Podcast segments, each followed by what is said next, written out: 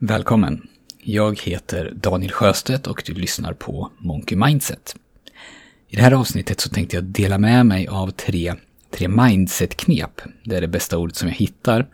Men du kommer märka att de inte är renodlade mindset-knep. Men, men tre mindset-knep som de som har koll, skulle jag vilja säga, de som känner att de har balans och kontroll, utför i större utsträckning än de som inte känner att de har koll, balans. Alltså, om du gör mer av de här tre sakerna så kommer du att skapa mer kontroll eller en större känsla av kontroll. Och den som gör mindre eller inte gör någonting kommer nog ha, svårt att känna kontroll. Så det är inte svart eller vitt här, det är inte ja eller nej, utan det handlar om mer eller mindre i större eller mindre utsträckning. Så här kommer då de här tre sakerna. Det första, det är att människor som har kontroll, de gör andra val än de som inte har kontroll. Och för att vara mer exakt så säger de nej mer. Alltså de väljer bort.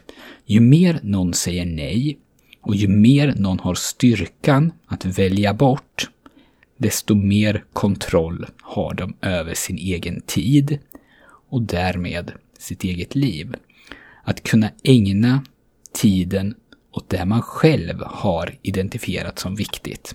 Att säga nej, det är ju svårt eftersom det ofta känns som att man missar någonting.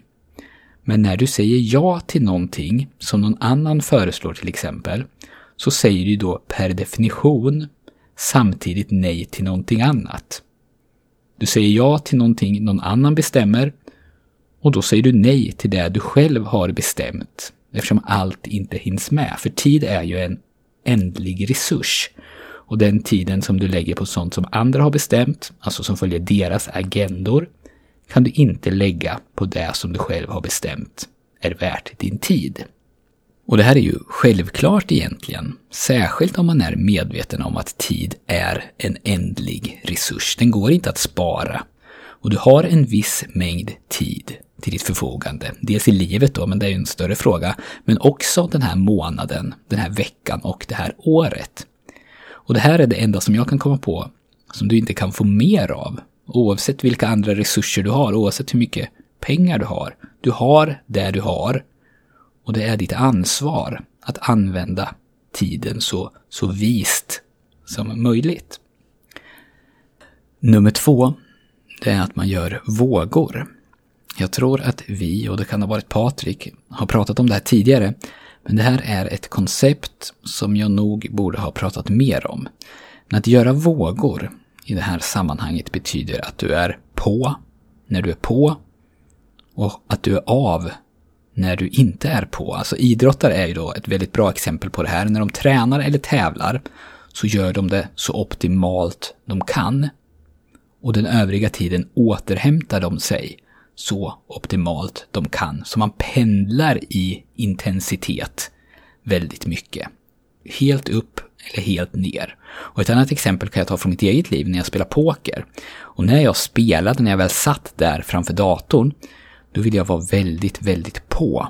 Helt fokuserad, helt mentalt alert. Sen då, särskilt emellan passen, så vill jag vara väldigt av. Jag ville låta hjärnan vila så mycket som möjligt så att jag skulle kunna vara väldigt på igen när nästa pass började. Om jag till exempel då, vilket definitivt hände ibland, spelade ett pass där jag var väldigt fokuserad och sen när passet var slut och jag skulle vila, satt kvar vid datorn och tog min vila genom att, genom att surfa, då var det väldigt svårt att sen koppla på lika bra inför nästa pass. Så eftersom botten av den här vågen blev högre än vad som var optimalt, alltså jag vilade inte ordentligt, så blev toppen på nästa våg också lägre. Och fortsätter jag så, så kommer jag efter ett tag knappt ha några vågor alls. Jag kanske, jag kanske sitter och spelar med Google Chrome öppet på skärmen bredvid med ett öga där och kommer inte alls upp i 100% av min verkliga kapacitet. Så de flesta idag har det så, skulle jag vilja säga. Vi har få riktigt höga vågor där vi är fullt fokuserade och så har vi få riktigt djupa dalar, riktigt djupa vågdalar där vi är helt av. Vi befinner oss hela tiden i ett slags krus med små, små vågor uppåt och ganska små vågor neråt. En nivå av intensitet som är ungefär samma hela tiden. Och det här riskerar att känna, eh, det innebär att vi hela tiden känner oss efter. Eftersom vi inte tycker att vi får så mycket gjort som vi borde när vi jobbar, så känns det som att tiden inte finns för rejäl återhämtning, för raster kanske. Och i värsta fall så börjar vi till och med välja bort sömn här, för vi tror att den där extra timmen, den behövs för att kunna hinna med. Men i själva verket så behöver vi inte mer tid att jobba, utan vi behöver högre vågor när vi väl jobbar och mer återhämtning. Och jag återkommer ju ofta till idrottsvärlden eftersom den är så mätbar och det är tacksamt. Och där prioriteras ju djupa vågor, återhämtning, precis lika högt som höga vågtoppar. Men det går också att till exempel gå till industrin, som ju också är lättare att mäta än vad kunskapsarbete generellt sett är. Ska maskinerna gå på max så behöver de underhållas. Och om de inte underhålls så kommer de snart gå sönder eller gå på halvfart. Och det är då supertydligt att långsiktigt är det mycket, mycket mer lönsamt att låta maskinerna gå på max så mycket som möjligt, men att samtidigt sköta underhållet till 100%. En maskin som går dygnet runt utan underhåll kommer ju efter ganska kort tid börja producera mindre och mindre och till slut går den sönder och då blir kostnaden för att kunna fortsätta skyhög. Produktiviteten går ner, jättelätt att se. Så ju större vågor, desto bättre, bättre prestation och desto mer kontroll.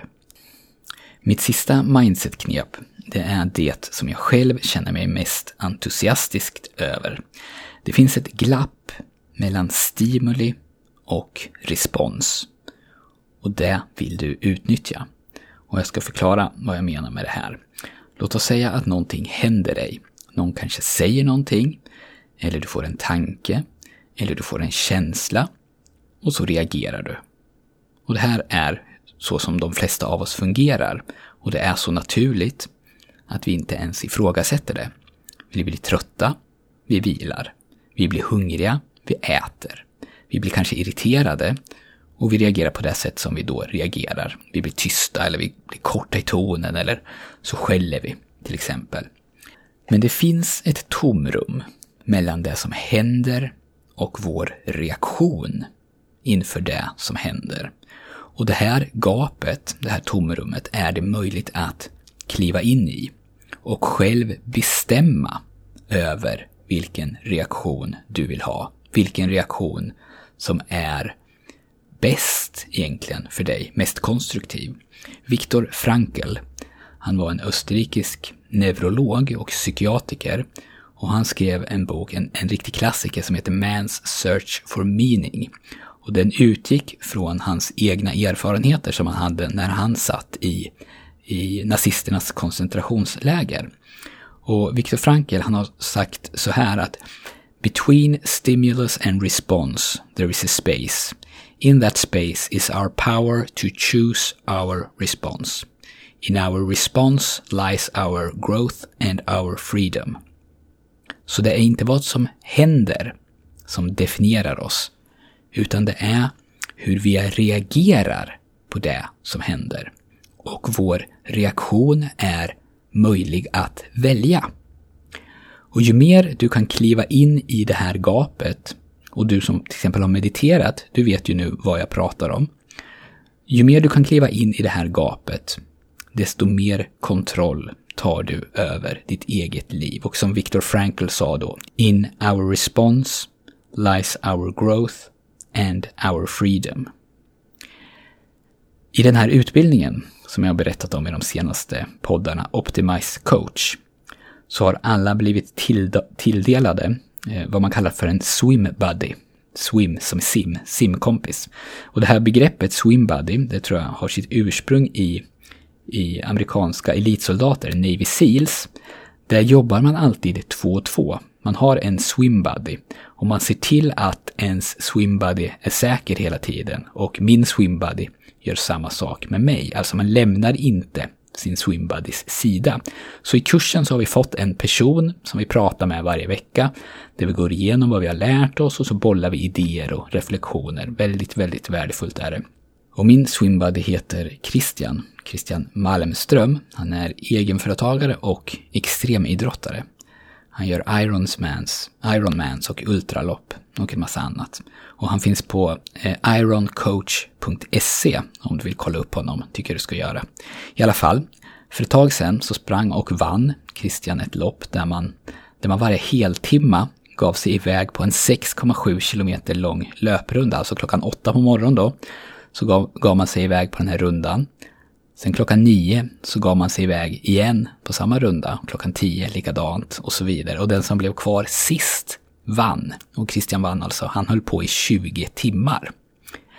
Och bara några veckor senare, två veckor senare tror jag, i slutet på april, så ställde han upp i en tävling som heter Täby Extreme Challenge, eh, 100 miles, alltså 100 engelska mil, drygt 16 mil. Och kom tvåa i den.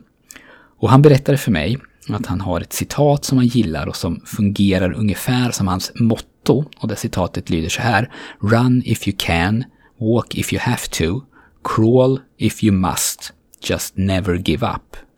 Och den som ursprungligen sa det, han, heter, han heter Dean Carnasis. Förlåt om jag slaktar efternamnet här, det är en annan ultralöpare. Men i alla fall, Hittills så hade Christian använt det här mottot eh, lite som ett skyddsnät, som en botten. Alltså han har tagit tillvara mest på det här never give up. Bara för att du inte kan springa längre så behöver du inte ge upp. Men i det här loppet så tog han det från toppen. Han tog tillvara den första meningen. Run if you can. Spring om du kan. Så när det blev tufft, ett lopp på 16 mil alltså, så frågade han sig själv kan jag springa?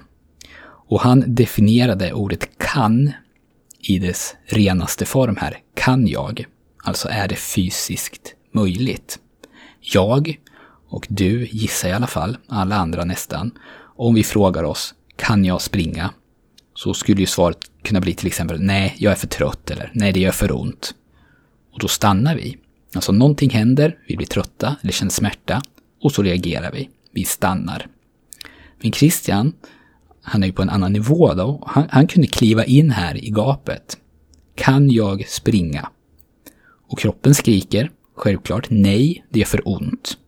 Men det gör för ont är inte svar på frågan. Att det gör för ont är inte relevant, utan kan jag springa? Ja eller nej? Och i ett sånt här lopp så gör det ondare och ondare i benen linjärt upp till en viss nivå. För varje mil så gör det ondare. Och en väldigt normal reaktion på det här, det är att känna efter hur ont det gör nu då efter fyra eller fem mil. Och sen tänka på hur mycket ondare det gör för varje steg och hur ont det kommer göra om till exempel tre mil. Och sen inse att jag kommer inte klara den smärtan. Och när den tanken kommer in, och det gör den ju väldigt lätt och det gör redan väldigt ont, då är det oerhört lätt att ge upp redan nu. Men genom att kliva in i gapet här mellan tanken och reaktionen, mellan stimuli och respons och sen bara ta kontrollen. I Christians fall då genom att fråga Kan jag springa? Vad som händer sen är inte relevant, utan kan jag springa nu? Och är svaret inte nej, så springer jag. Och Christians stora mål det var att klara det här loppet på under 16 timmar och han gick i mål på 15.53. Helt otroligt. Jag länkar till eh, Christians egen text om det här. Den är mer komplett och mer korrekt än min återberättelse. Jag kan ju som alltid ha missuppfattat någonting eller missat någonting som är viktigt. Men i texten så skriver han bland annat jag hade under loppet fått ut min för tillfället fulla potential som ultralöpare och fixat drömgränsen 16 timmar med 7 minuters marginal, vilket räckte till en andra plats. Känslan att prestera på sin fulla potential är obeskrivlig och måste upplevas. Så tre saker har jag pratat om idag som är viktiga, men inte, tror jag, självklara, men som ger dig mer kontroll över ditt eget liv och din egen prestation. Och den här prestationen behöver ju såklart inte vara fysisk. Och det första, det är att börja fatta annorlunda beslut mot vad du gör nu. Bli medveten om vad du gör nu och i vissa lägen agera annorlunda. Framförallt att börja säga nej mer och inse att tid är en begränsad resurs. När du säger ja till någonting säger du samtidigt nej till någonting annat. Även om man inte ser det så i stunden. Det andra, det var att skapa högre vågor. Jobba hårdare och mer intensivt när du väl jobbar. Och att vila hårdare och mer intensivt när du väl vilar. Befinn dig inte mellan de här ytterligheterna hela tiden. För när du skapar vågor så får du mer gjort. Och det blir faktiskt mer lustfyllt att jobba och leva om du agerar så. Du hamnar mer då i det här som vi kommer snart komma till, Eh, som Christian sa, du hamnar närmare din fulla potential. Och det är väldigt lustfyllt och bra för motivationen att kunna känna att man kan vara där. Och det tredje, det var att inse att det finns ett gap, ett glapp mellan stimuli och respons. Och det är möjligt att kliva in där och faktiskt välja din respons, din reaktion till varje enskilt stimuli. Och det här är ju en träningssak förstås. Genom meditation så tränar man det här och genom mental träning så tränar man det här. I och med att man får ner sin grundspänning, alltså man blir lugnare. Och då skapas det utrymme att tänka efter, att reagera. Utrymme som kanske inte fanns förut.